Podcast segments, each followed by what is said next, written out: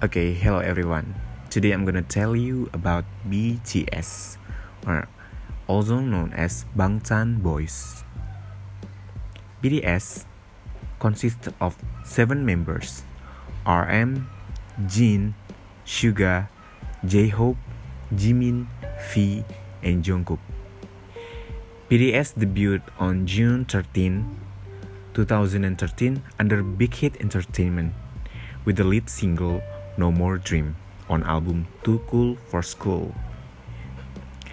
The BTS fandom name is ARMY, A R M Y. Okay, now I will start with the first member, RM. His stage name is RM